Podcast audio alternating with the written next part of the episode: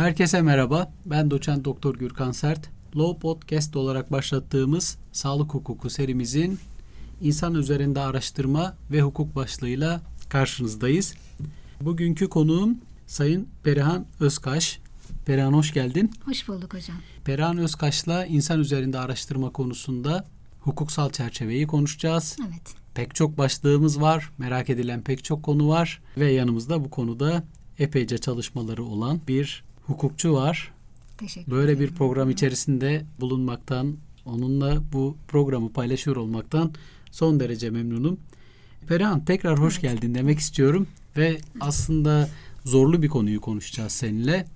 İnsan üzerinde araştırma konusu belki insan toplumunun ya da toplumun hatırlamak istemediği pek çok olayı da Evet. bize hatırlatıyor. Evet. E, değil mi? Yani evet, bu konuda evet, belki evet.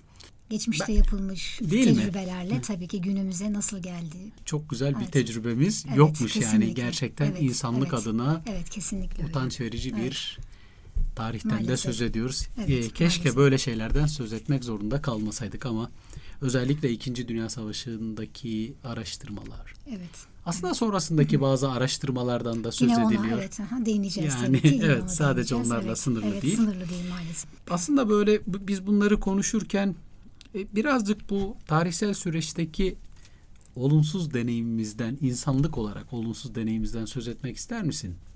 Tabii ki söz etmek isterim. Dünya tarihinde geçmişte yapılmış e, birçok ihlaller var bu konuda. İnsan üzerindeki denemeler konusunda. Bunlar tabii ki bugünün tıp modernine ışık tutmuştur ama biz o, o olaylardan e, bahsetmeden tabii ki geçemeyeceğiz. Öncelikle 2. Dünya Savaşı sonrası, 2. Dünya Savaşı sırasında yapılmış olan Nazi doktorların, hekimlerin esirler üzerine yapmış oldukları bir takım talihsiz e, denemeler sonucunda ve e, bunların haricinde birkaç e, çok önemli dünyada yankı yapmış olaylardan bahsetmek isterim. Örneğin Japonların Mançurya deneyleri dediğimiz e, 1931-42 yıllarında Mançurya'da esir edilen Çinli halk tutsaklar ve savaş esirleri üzerinde kolera, tifo, tifüs, veba, çiçek gibi hastalıkların etkenleri kullanılarak biyolojik silahlar geliştirmişler ve e, yaklaşık 10 bin Çinli susuz bırakılarak ve bu kişiler üzerinde karaciğerlerine e, uzun süreli X ışınları verilerek takım kimyasal ajanlar verilerek çeşitli deneylerle öldürülmüşlerdir. Yine herkesin bildiği e, medyada da duymuşuzdur bunu. Hatta 1997'de Amerikan Başkanı Bill Clinton'ın özürü ile birlikte duyduğumuz bir e, hadise ki bu çok önemli 1932 ve 72 yılları arasında yapılmış.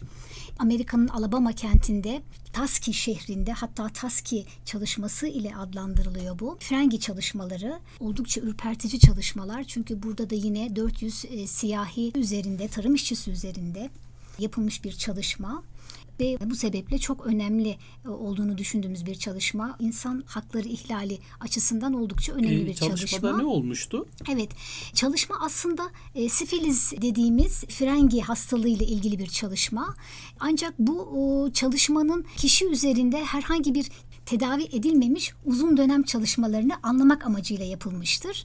Ancak bu dönemde zaten bu tedavi ile ilgili herhangi bir etkin bir tedavi sistemi yoktur. Sadece bu kişiler bu tedaviden mahrum bırakılmıştır. Yani tedavinin Tedavi- bulunmasına rağmen, Rağmen e, ma- mahrum bırakılmışlar. Evet, Öyle e, mi? 1931 ve 72 yılları arasında Bayağı da uzun bir süre gerçekten. çalışma yapılmıştır. Evet. Tabii tarihimizde de skandal olarak e, yerini almıştır diyoruz. E, buna benzer ya da böyle hani çok popüler olmuş bir çalışma daha, Daha vardı. var. Evet. E, Talidomid Talidomid çalışması. çalışması, Hı hı. var. Evet maalesef. Hatta bu çocuklar üzerinde ve gebeler üzerinde e, yapılması yasaklanmış çok uzun bir süre Amerika e, çocuklar ve gebeler üzerinde, anneler üzerinde çalışmaları yasaklamıştı bu sebepten dolayı. Bu talidomid olayında neler olmuştu? Ondan da kısaca birkaç Şimdi, cümleyle söz edebilir Tabii miyiz? ki, tabii ki bu daha çok hamile kişiler üzerinde uygulanan 1957 ve 61 yılları arasında Batı Almanya'da piyasada kalmış, Avustralya'ya hatta kıtalar arası e, dağıtımı ağına çıkmış bir ilaçtır. E, Bunu da şöyle açıklayabilirim. Talidomit etken maddesine sahip farklı ilaçlar 50 ülkede vücutlara yayılmıştır. 90 binden fazla gebelik düşük ile sonuçlanmış, 10 binden fazla gebelik ise sakat ve ölü doğmuştur. Bu aslında daha önce gebe fareler üzerinde denenmiş bir araştırma olmasına rağmen hı hı. E, ilaçların prospektüslerinde hamile ve çocuklar güvenli bir şekilde kullanabilir ibaresi vardır. Hı hı. Tabii buradaki e, birçok görüşe göre aslında her ne kadar yeterli derecede hayvan üzerinde yapılmış bir araştırma olsa da bun, burada çok büyük eksiklikler söz konusudur. Peki çok teşekkür ederim. Aslında bunun gibi örnekleri bayağı bir da bir, bir genişletebiliriz evet, özellikle de. Evet. Ama en sık da Nazi doktorların yaptıkları çalışmalardan çalışmalar, söz evet. edilir. Zaten e, günümüzün tıp etiğini ve hasta haklarını ortaya çıkaran en temel belgeler diyebiliriz. Nazi o, Nürnberg kodları dediğimiz evet, Nürnberg o, mahkemelerinde o çalışmalarla ilgili çıkarılan. Evet. evet. evet. Peki şöyle biraz bu tatsız tarihi yolculuğundan sonra evet. şöyle bir soru sorsak yani günümüzde İnsan üzerinde araştırma nasıl tanımlanabilir? Konuda ne söyleyebilirsin? Evet, insan üzerinde araştırma şöyle diyebiliriz yani işin aslında çok kısa bir açıklama yapmak istiyorum. Çünkü ben hekim değilim. İşin tıbbi tarafı beni çok ilgilendirmiyor. Çok hakim değilim. Evet tabii. Ee, biz hukuki değerlendirmeye evet, evet, en azından hukuksal çerçevede sadece, nasıl tanımlanmış? Evet o şekil bilgi verebilirim. Klinik araştırma dediğimiz zaman tedavi amaçlı ya da bilimsel amaçlı bu girişimsel de olabilir, gözlemsel de olabilir. Daha önce bilinen tıbbi metotlardan farklı olarak henüz araştırma aşamasında bulunan ve sonuçlarının kesin olarak bilinmeyen yöntemlerin bireylere uygulanmasıdır diyebiliriz. Evet yani burada sonuçlarını bilmediğimiz bazı uygulamalardan evet, evet. E, söz ediyoruz. Evet. Perihan aslında tam bu tanımlamayla beraber şunu da sormak isterim. Şimdi yasal düzenlemelerde de öyle. Yani bazı yerlerde deney, bazı yerlerde evet. deneme ifadesi evet. geçiyor. Evet. Acaba burada deney derken neyi kastediyoruz? Evet. Şimdi insan üzerinde araştırma konusunda bize bir fikir verdin. Hı hı. E, deney deyince neyi kastediyoruz? Şimdi tabii deney ve deneme bir araştırmanın bir parçasıdır. Bunları zaten birbirinden ayıramıyoruz. Ancak hani deney dediğimiz zaman klinik araştırmanın ilk aşamasından bahsediyoruz. Yani ilk aşamasına yönelik iken deneme ise henüz e, bir kesinlik kazanmamış bir deney sonucunun yani bir hastalığın tedavisinde somut faydalarından yola çıkarak bireylere uygulanma işlemi olarak görebiliriz. Peki, çok teşekkür ederim. Şöyle söyleyelim. Aslında yani bu konu neden hassas bir hale gelmiş? Evet. Bazı hak ihlallerine neden olduğu evet. için. Evet. Yani şöyle sorarsak diyelim ki insan üzerinde araştırma, deney, deneme ne gibi ihlallere neden olabilir? Şöyle yani deney ve denemeler insanın bireyin e, beden bütünlüğüne, vücut bütünlüğüne yönelik olan işlemlerdir. Hı hı. E, bu sebeple e, bu sonuçlar bu deney sonucunda sonuç olumlu da olabilir, olumsuz da olabilir. Hı hı. İşte bu olumsuz sonuçlar kişinin bireyin sağlığını ve güvenliğini ihlal ediyor. Yani evet. zarar verebilir. Hı hı. Zarar verdiği için de bir takım ihlallere, yani kişi bir takım tehlikelere maruz kalabiliyor. Evet yani Perihan bu, saydığın yani burada koruduğumuz bu hukuki değerler Evet. Aslında bir insanı insan eden hukuki değerler. Kesinlikle. Değil mi? Yani Kesinlikle, evet. beden bütünlüğü diyoruz, tabii, geleceği tabii. hakkında karar verme diyoruz. Tabii tabii tabii. İnsan onuru. O evet, hatta yaşam yaşamından hakkı, söz ediyoruz. Yaşam evet. hakkı kesinlikle. Gerçekten çok hassas bir evet, konu ama bir evet. yandan da bilimin ilerlemesi ya da insanların tabii. tedavilerinin sağlanması için de bir gereklilik. Aslında belki yaşadığımız en önemli Maalesef. ikilemler yani, tabii kişi, bu noktada. Evet kişi kişinin bir tarafta e, toplumun yararı söz konusuyken diğer tarafta da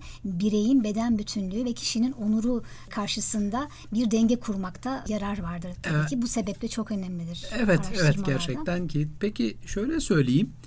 Bu kadar önemli değerleri nasıl koruma altına alıyoruz şu anda? Ne ee, söyleyebilirsin?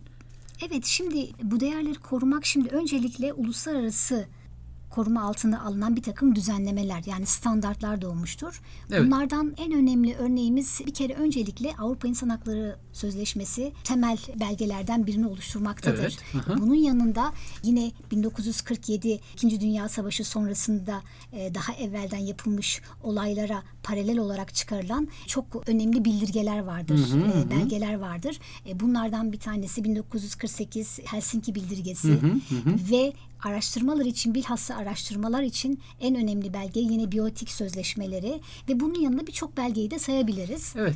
Helsinki bildirgesinin ülkemizdeki mevzuata ciddi bir etkisi var. Kesinlikle öyle. Onlara paralel olarak tabii ki mevzuatımızı kesinlikle etkiledi. Hı hı. Ee, Bizim için çok önemli ve ona paralel olarak da çıkarılmış bir takım yönetmelikler ve kılavuzlar da yayınlanmaktadır. Evet yani şunu rahatlıkla söyleyebiliriz. Helsinki Deklarasyonu ya da ya da Helsinki Bildirgesi insan üzerinde araştırmalar konusunda belki ilk incelenmesi gereken belgelerden kesinlikle, e, bir kesinlikle tanesi. öyle.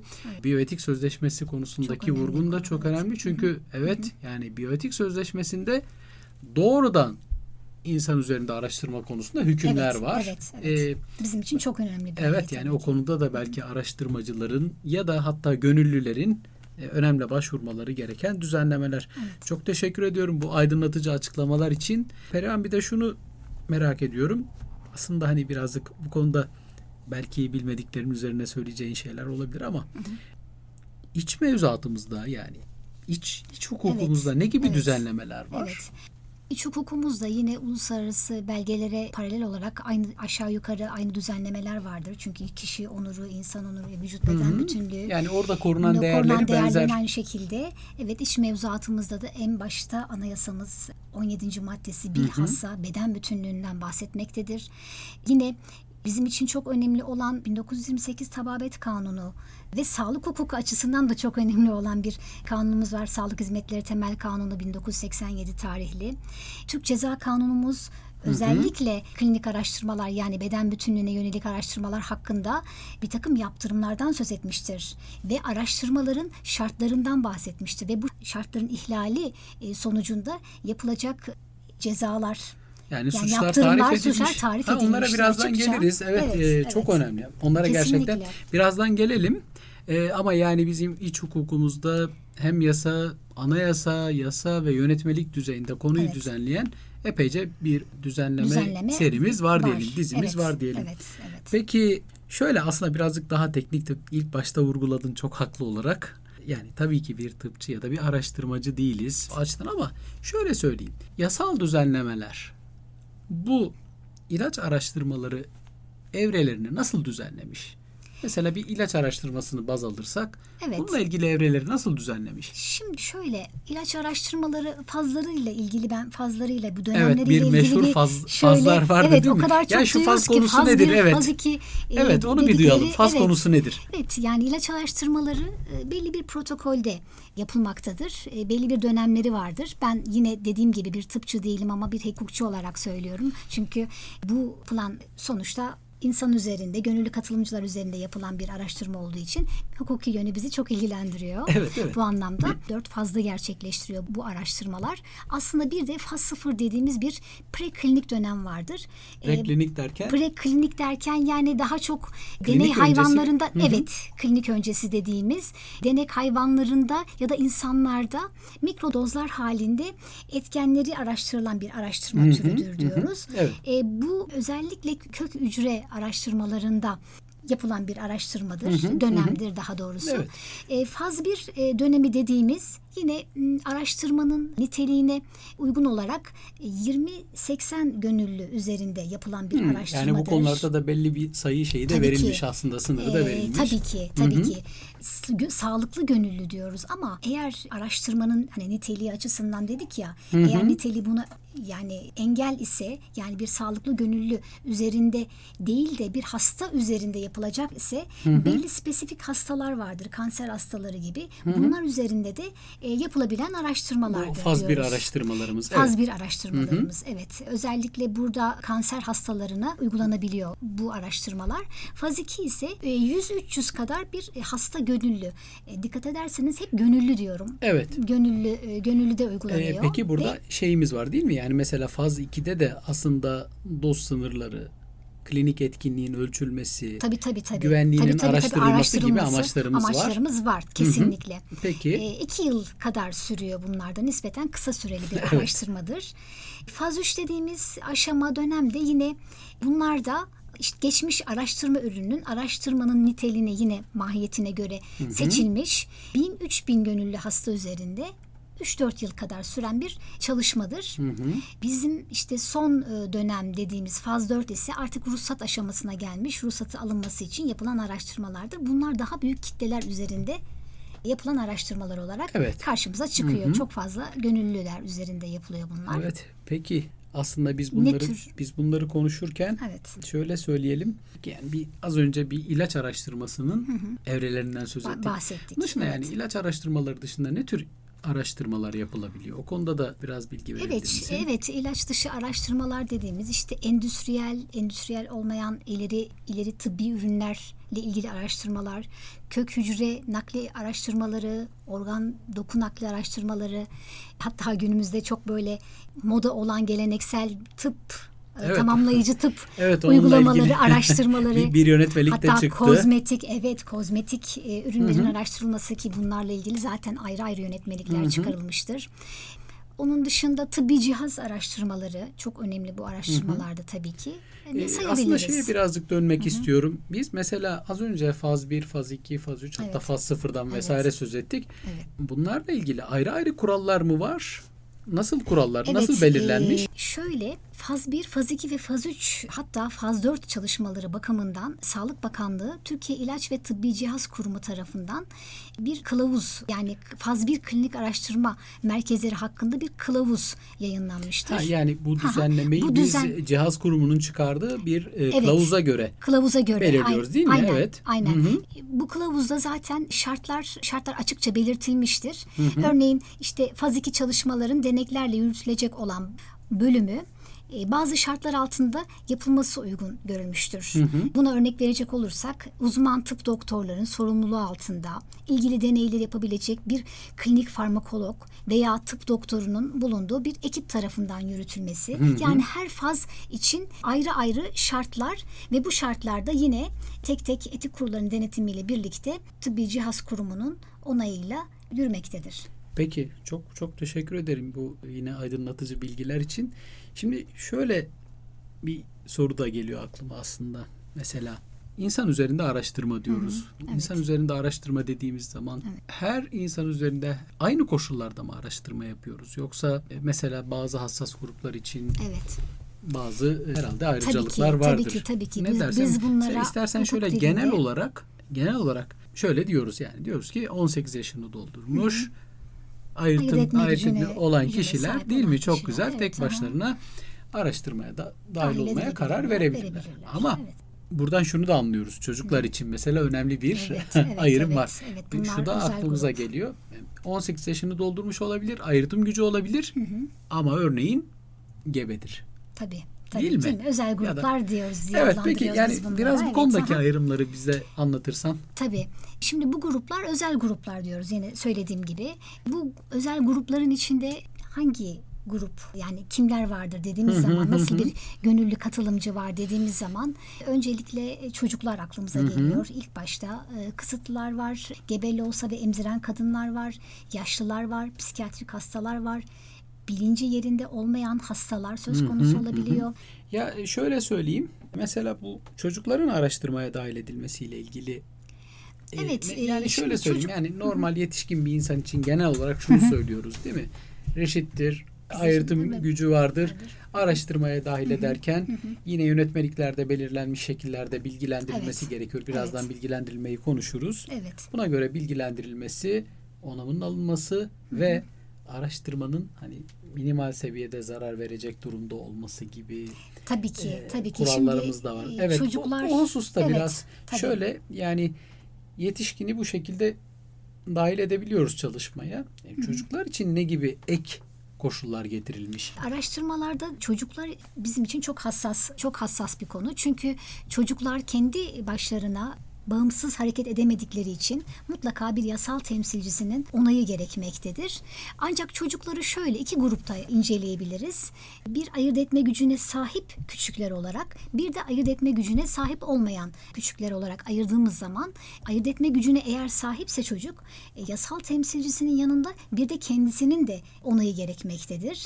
Gönüllü katılımı gerekmektedir. Evet. Çünkü bunun e, araştırmanın mahiyetini, niteliğini ve aşamalarını biliyor e, ve bunu idrak edebiliyor biliyor sonuçlarını, bu, e, risklerini, yararlarını, potansiyel tehlikeleri idrak edebilecek kapasitede ise çocuk ki çocuğun onayı şarttır bu durumda. Evet.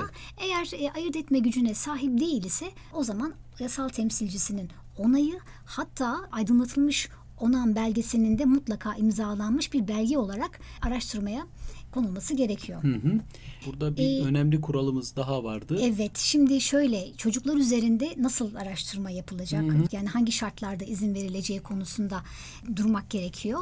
E, bu da tabii çocuğun hem Helsinki bildirgesinde bu açıkça belirtilmiş hem de bizim klinik araştırmalar hakkında yönetmelikte çocuk üzerinde herhangi bir tehlike yaratmayacak, doğrudan çocuk yararına yapılması gereken bir araştırma olması, çocukların ancak bu şekilde araştırmaya izin verileceği, aksi takdirde çocukların araştırmaya katılamayacağı. Yani o yaptığımız çalışmanın çocuğa bir yarar sağlayacak olması, Sa- tedavisiyle ilgili bir yarar sağlayacak olması gibi Evet. önemli bir koşulumuz da var. Evet. Perihan aslında diğer bir grupla da ilgili konuşmak belki iyi olacak. Gebe ve lohusalar konusunda Evet. hatta emziren Evet. kadınlar konusunda ne söyleyebilirsin? Şimdi şöyle biliyorsunuz bu talidomit faciasından sonra Hı hı. dünyada şöyle bir şey özellikle Amerika'da o dönemlerde kadınlar, çocuklar ve gebe ve lohusalar üzerinde araştırmanın yapılması yasaklanmıştı. Ancak bir de araştırmalar daha çok erkekler üzerinde, erkek popülasyonu üzerinde yapıldığı için bir takım kadınlar üzerinde yapılamadığı için araştırmalarda yetersiz sonuçlar elde edildi. E, Bu sebeple günümüz e, teknolojisi itibariyle yapılan araştırmalarda kullanılan katılımcıların homojen olması yani popülasyonda homojen olması gerektiği yönündeydi ve yine belli şartlarda araştırmaların bu kişiler üzerinde yapılacağı yasal çerçevelerle belirlenmiştir diye, diyebiliriz. Burada da bilgilendirilmeleri yani aydınlatmanın ve aydınlatılmış onamı üzerinde vurgu yapmak istiyorum. Çünkü çok e, önemli. E, bir de yine aynı şartlarda çocuklarda olduğu gibi yapılacak araştırmaların bu kişiler üzerinde herhangi bir tehlike olmaması gerektiği? Yani doğrudan bir fet- yarar sağlaması. Evet, Çünkü yani bir fetüs üzerinde evet, ya da anne üzerinde. Tabii Evet. ki. Hı hı. Bu, bu Yapılacağı. hususta bir zarar vermemesi gerekiyor. Doğrudan ona bir yarar sağlaması gerekir. Evet. Aslında e, şunu da sormak istiyorum. Az önce hani yoğun bakımda bilinci kapalı olan hastalardan söz ettin. Herhalde araştırmaya dahil edilmesi konusunda en çok etik sorun yaşanan gruplardan birisi de bu. Çünkü karşımızda belki onan veremeyecek birisiyle karşı karşıyayız. Konuda ne gibi ek koşullar var onu Evet, sorayım. şimdi bildiğimiz gibi bilinci kapalı olan bir kişinin onam verme yetkisi ortadan kalkmış oluyor. Hı hı. Bu sebeple biz de e, araştırmada ne diyoruz? İşte kişinin, e, gönüllünün, katılımcının onayı gerekmektedir Hı hı. diyoruz.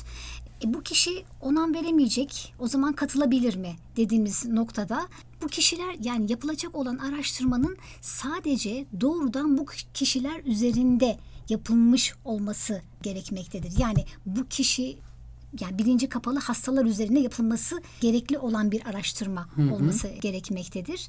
Ya da şöyle olabilir. Mevcut tedavi seçeneklerinin de tamamen tüketilmiş olduğu durumlarda bu kişilerin sağlığı açısından öngörülebilir bir risk taşımıyorsa bu kişilere doğrudan bir fayda sağlayacağı hususu da bir kanaati de bulunması gerekiyor. Yani hem doğrudan yani bir zarar vermeyeceğini düşüneceğiz, bileceğiz. Bir Evet. de ayrıca bir yarar da bekliyor olmamız gerekiyor. Gerekiyor. Yani bir yarar beklentisi de var. Bir de daha sık böyle hem etik açıdan hem hukuksal açıdan tartıştığımız bir başlık daha var. Psikiyatrik hastalar üzerinde yapılan çalışmalarda bu, Evet. onunla ilgili ne söyleyebilirsin? Ee, Yani nasıl bu- bir özellik var bu Evet, hususta? psikiyatri alanı daha çok depresyon ve anksiyete bozuklukları hariç hayvan modeli olmayan bir araştırma alanıdır.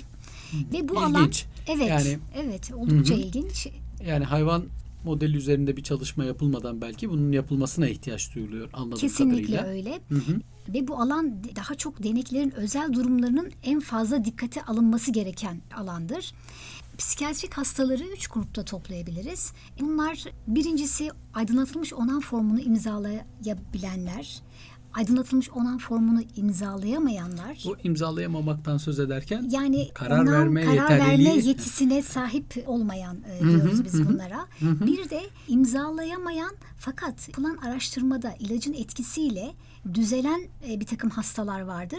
Bir de bu grubu sayabiliriz. ha, anladım. Bunlar başladıkları süreçte aslında karar verecek durumda değil. Değil ama İlerleyen süreçte şey, karar düzel- verecek duruma düzele, gelebiliyorlar. Evet, Evet, e, anladım. Düzelebiliyorlar. Bir grup, bu grup olarak e, değerlendirebiliriz.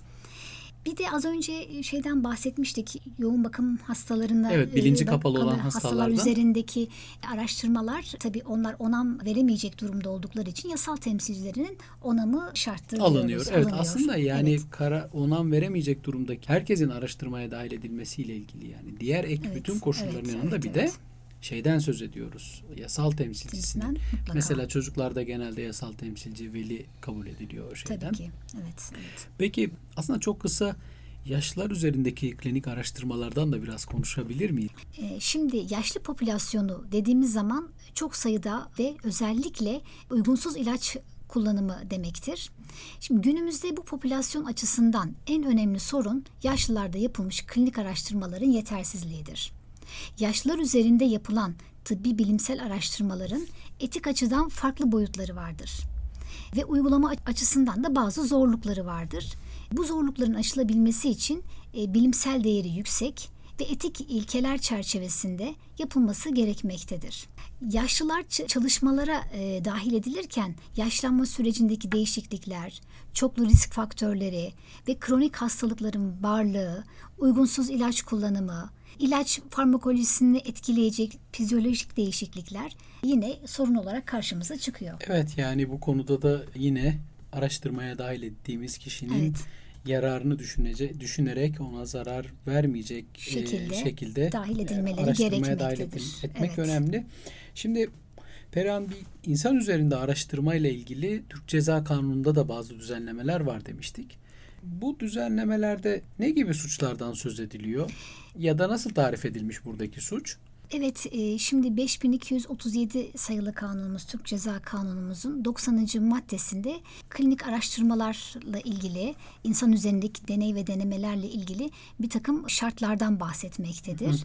Bu şartların ihlali ile birlikte bir takım cezalar e, ve yaptırımlar öngörmüştür. Hı hı hı. Bu cezalarda oldukça ağır ve yaptırımlarla hapis cezalarına varılacak derecede ağır yaptırımlar söz konusudur. Söz konusu evet anladım. Buradaki bizim bu Türk Ceza Kanunu'ndaki bu suç tariflerinin yanında aslında en önemli belki konulardan bir tanesi de araştırmalardaki eksiklikler Evet. açısından Evet. çok önemli konulardan Evet, bir evet, tanesi evet. de aydınlatılmış onam diye düşünüyorum. Evet, Yani kişilerin olan. araştırmaya dahil edilirken bilgilendirilmesi ve onamının alınması konusu çok önemli. Evet. E, araştırmaya dahil ettiğimiz kişiyi hangi konularda bilgilendirmeliyiz? Şimdi araştırmanın doğru ve güvenilir olması ne kadar önemli ise kişinin güvenliği ve hakları da o kadar önemlidir. İşte aydınlatılmış onam da katılımcıları korumak için geliştirilmiştir. Onam araştırmada her türlü gönüllünün işte araştırmanın amaçlarını, yöntemlerini, finans kaynaklarını, ortaya çıkabilecek bir takım tehlikeleri, rahatsızlıkları, yararları, çalışma sonrasında sağlanacak bir takım olanakları içermektedir. Ve kişiler genellikle aydınlatılmış onamı araştırmaya katılmadan önce imzalarlar. Sanki bu bir mutlak sözleşmeymiş gibi görülebilir. Ancak bu bir mutlak bir sözleşme değildir. Kişi aslında bu aydınlatılmış onamı baştan imzalamasının e, nedeni sadece nelere maruz kalacağı ile ilgili detaylı bilgilere sahip olması ve gerektiğinde istediği zaman bu araştırmanın her aşamasından çekilebileceğini, e, bu sözleşmeyi imzalayarak aslında bir şekilde bağlanabileceğini değil ama burada da yine e, gönüllü olarak nasıl katıldıysa gönüllü olarak ayrılabileceği yani herhangi bir baskı ve bo- zorlama altında kalamayacağını e, güvence altına almaktadır. Evet yani aslında aydınlatılmış olan bir bireyin doğrudan serbest iradesiyle araştırmaya dahil olduğunu, dahil olmak istediğini gösteren önemli bir belge. Ve biz burada aslında bilgilendirmemizi yaparken bu yapılacak işlemler bunların yararları, zararları, Evet, olası evet, riskleri, evet. belki uzun uzun vadedeki problemler vesaire hepsiyle ilgili Tabii. bilgilendiriyoruz ve aslında çok önemli bir husus araştırmacının e, araştırmaya dahil olan gönüllülerin hakları konusu ona değindin gerçekten çok önemli. Evet, bir kere bir evet, kişi aha. istediği zaman dahil olduğu bir Tabii. araştırmadan e, dilediği İstediği zaman koşullarda, koşullarda, çekilebilir. evet, çekilebilir. Yani o böyle bir e, zorlama söz konusu olamaz. Ben mesela etik kurulu üyesiyim. Yine bu araştırmalarla ilgili etik kurulda üyeyim ve oradaki hani incelemelerimizde hep şu hususlara dikkat ediyoruz. Yani aydınlatma nasıl yapılmış? Yani hasta nasıl bilgilendirilmiş? Hangi dil kullanılmış? Bunlar çok da- önemli. değil mi? Süreleri bakımından, evet. Nelere Dilin kat- seçimi bakımından kesinlikle evet, çok onlar da önemli. önemli. Evet, Mesela evet. tıbbi terimler kullanılmaması, Tabii, hastanın tabii. anlayacağı ifadelerin kullanılması, cümlelerin kurulması gibi. Kesinlikle. Bir de çok önemli hususlardan bir tanesi de yani hastanın ya da dahil edilen gönüllünün hakları konusunda bilgi Evet. sahibi olması, araştırmadan çekilebileceğini Bilgi bilmesi, bilmesi. Tabii ki. kişisel verilerinin özel hayatının başkalarıyla paylaşılmayacağını Paylaşılması, tabii. Gibi Bunlar e, evet, yasal bilgilerde çerçeveler altına alınmış. Bunlar çok e, önemli çünkü kişisel veriler özellikle onların kullanılması, anonimleştirilmesi, ne zaman yok edileceği, imha edileceği konusunda gönüllünün mutlaka bilgi sahibi olması gerekiyor. bilgilendirilmesi gerekiyor. Evet ve Bilgilendirilmesi bunların gerekiyor, açık tabii ki. anlaşılır yazılması Tabii çok ki. önemli. Tabii ki. Etik kurullar aslında bu insan üzerindeki araştırmalar konusunda Evet. çok kilit bir role Kesinlikle, sahip. kesinlikle. Neden kurulmuş etik kurullar biraz düzenlemelere göre ne söyleyebilirsin? Yani şimdi ya da nasıl tarif edilmiş etik evet, kurullar? Evet, etik kurullar baktığımızda klinik araştırmaları tabii ki kendi adıyla zaten etik yönden değerlendiriyor. Hı hı. Ve bilimsel yeterlilik ve hukuka uygunluk denetimini yapıyor etik kurullar. hı hı. Araştırmaya katılacak bireylerin haklarını, onurunu korumak, güvenliklerini sağlamak, Yani aslında etik kurullar Evet. temelde bireyi yani gönüllünün korunması üzerine kesinlikle üzerine evet evet kurulmuş evet, kurullar tabii doğru. Ki, tabii. Çok çok önemli Ayrıca bir etik- nokta. Evet, size, sizin de söylediğiniz gibi etik kurulda görev alıyorsunuz biliyorsunuz aydınlatılmış onamın ne kadar önemli olduğunu etik kurulu açısından bunları gözden geçiriyorsunuz. Bu etik kurulların aslında temel görevlerinden biridir tabii ki. Hı hı. Bunun yanında etik kurullar önlerine gelen bir çalışmanın ya da hazırlıkları olan bir çalışmayı bir, bir kere hiçbir insan üzerinde çalışma etik kurullar tarafından onaylanmadan hatta bazı çalışmalar için doğrudan Evet. Sağlık Bakanlığı'nın etik kurul onayının alınması gerekiyor. Hiçbir çalışma Evet, evet. uygun bir kurul, kurulun onayını almadan gerçekleştirilemiyor bu Tabii ki. Mutlaka, çalışmalardan. tabii ki. Ve e, buralarda genellikle çalışmanın incelenmesi her şeyden önce gönüllünün, gönüllünün yararı üzerinden yapılıyor. Burada son olarak böyle aslında çok zorlu bir konuyu bize çok güzel ve akıcı bir üslupla e, Çok aydınlatıcı bilgilerle aktardın. Evet, aslında E, aydınlatılmış onam e, başlı başına bir konu. Evet şeyden E, ama araştırmadaki detaylı, evet. Evet konuşulabilir ama bu Evet. zorlu konuyu bize bu akıcı yaklaşımınla, akıcı konuşmanla aktardığın için çok çok teşekkür Ben ediyoruz. teşekkür ederim hocam. Çok güzel bir e, Güzel sohbetti. sohbet havasında oldu hakikaten sizinle birlikte. E, Ben de çok teşekkür ediyorum ve aslında şöyle hep yapıyoruz usulen.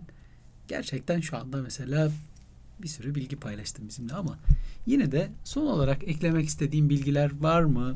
Aslında eklemek istediğim tabii ki çok bilgiler var. İnsan üzerinde yapılan denemelerin e, ne kadar çok önemli olduğu üzerinde duruyoruz. Bu sebeple çok önemlidir diyoruz. Bu sebeple tıp bilimi de insan hakları savunucuları da hem tıp biliminin gelişmesi hem insan hakları açısından insani duygularla yürütülmesi yönündedir. Yani araştırmaların. Bunun dışında siz hocam Evet bu insan yani insan üzerindeki araştırmalarda insan Evet. onuru konusundaki duyarlılığını Evet. zaten sunumun boyunca fark ettik Teşekkür gerçekten. Çok teşekkür ediyoruz. Bu anlamda bu oturumumuzda insan üzerinde araştırma konusunda pek çok başlığı ele aldık. Tabii ki bunlar bunlarla sınırlı değil bu konular, bu başlıklar ve bu tartışmalar. evet. Çok daha geniş bir alanda Evet, aslında saydığımız böyle. belki her Daralttık. başlığı uzun uzun kaldık tabii, tabii ki uzun uzun Tabii konuşabiliriz. Ama yine böyle zorlu bir konuda bu kadar kolay akıcı anlatımın için sana tekrar tekrar teşekkür ben ediyorum. teşekkür ediyorum hocam. Yayınlarımızı Low Podcast, Ko başta olmak üzere Spotify, SoundCloud platformlarından dinleyebilirsiniz. Tekrar görüşmek üzere.